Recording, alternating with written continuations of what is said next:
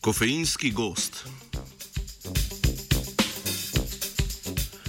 Znanstvena revija Ecological Solutions and Evidence je pretekli mesec objavila spodbudne rezultate raziskave, v kateri so znanstveniki in znanstvenice želeli preveriti uporabnost kavne pulpe pri pospeševanju obnove tropskega deževnega gozda na degradiranih in zapuščenih kmetijskih zemljiščih.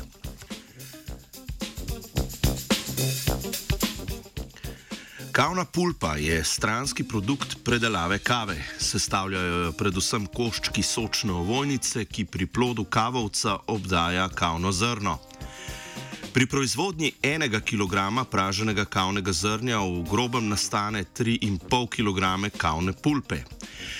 Večina obratov za predelavo kave omenjeni stranski produkt obravnava kot odpadek, čeprav bi lahko ta material, bogat z organskimi hranili, uporabili kot koristen kompost.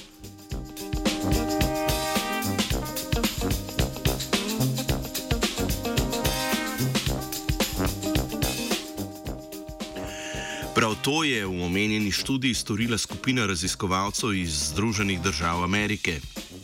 Svoj poskus so izvedli na Kostariki, kjer so od lokalnega proizvajalca kave prejeli 350 kubičnih metrov kavne pulpe. To so enakomerno raztrosili po eni polovici zapuščenega pašnika, na drugo polovico pašnika pa kavnega potrosa niso nanesli. Ob popisovanju rastlinskih vrst in spremljanju njihove pokrovnosti ter analize kemizma, dal so na to dve leti spremljali spreminjanje obeh ploskov.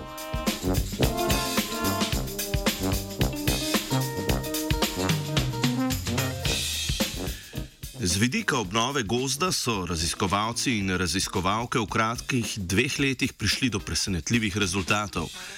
Na ploski, ki jo je prekrivala kavna pulpa, se je močno povečal delež vseh glavnih hranil v tleh, 80 odstotkov ploske pa je prekril pionirski gost, sestavljen iz štirih drevesnih vrst, medtem ko so tla na delu pašnika brez kavne pulpe ostala revna s hranili. Poleg tega so na tej ploskvi še vedno prevladovale tuje rodne vrste trav. Drevesa, ki so vsa pripadala le eni vrsti, pa so se pojavljala le posamično in dosegla skupno pokrovnost 20 odstotkov površine ploskve.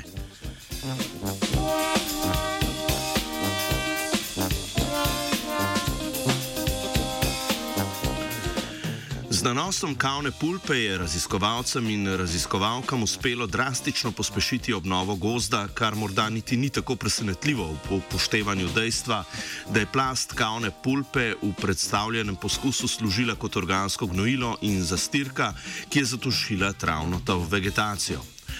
Morda je nekoliko bolj presenetljivo, da predstavljena rešitev za pospešeno obnovo tropskega gozda sloni na stranskem produktu intenzivnega monokulturnega kmetijstva, torej panoge, ki je v veliki meri kriva za uničenje tropskih gozdov.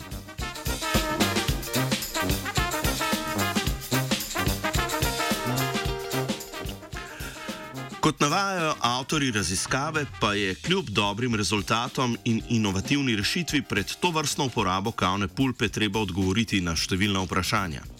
Poglavitne med njimi naslavljajo posledice ogromnih količin herbicidov in pesticidov uporabljenih pri proizvodnji kave.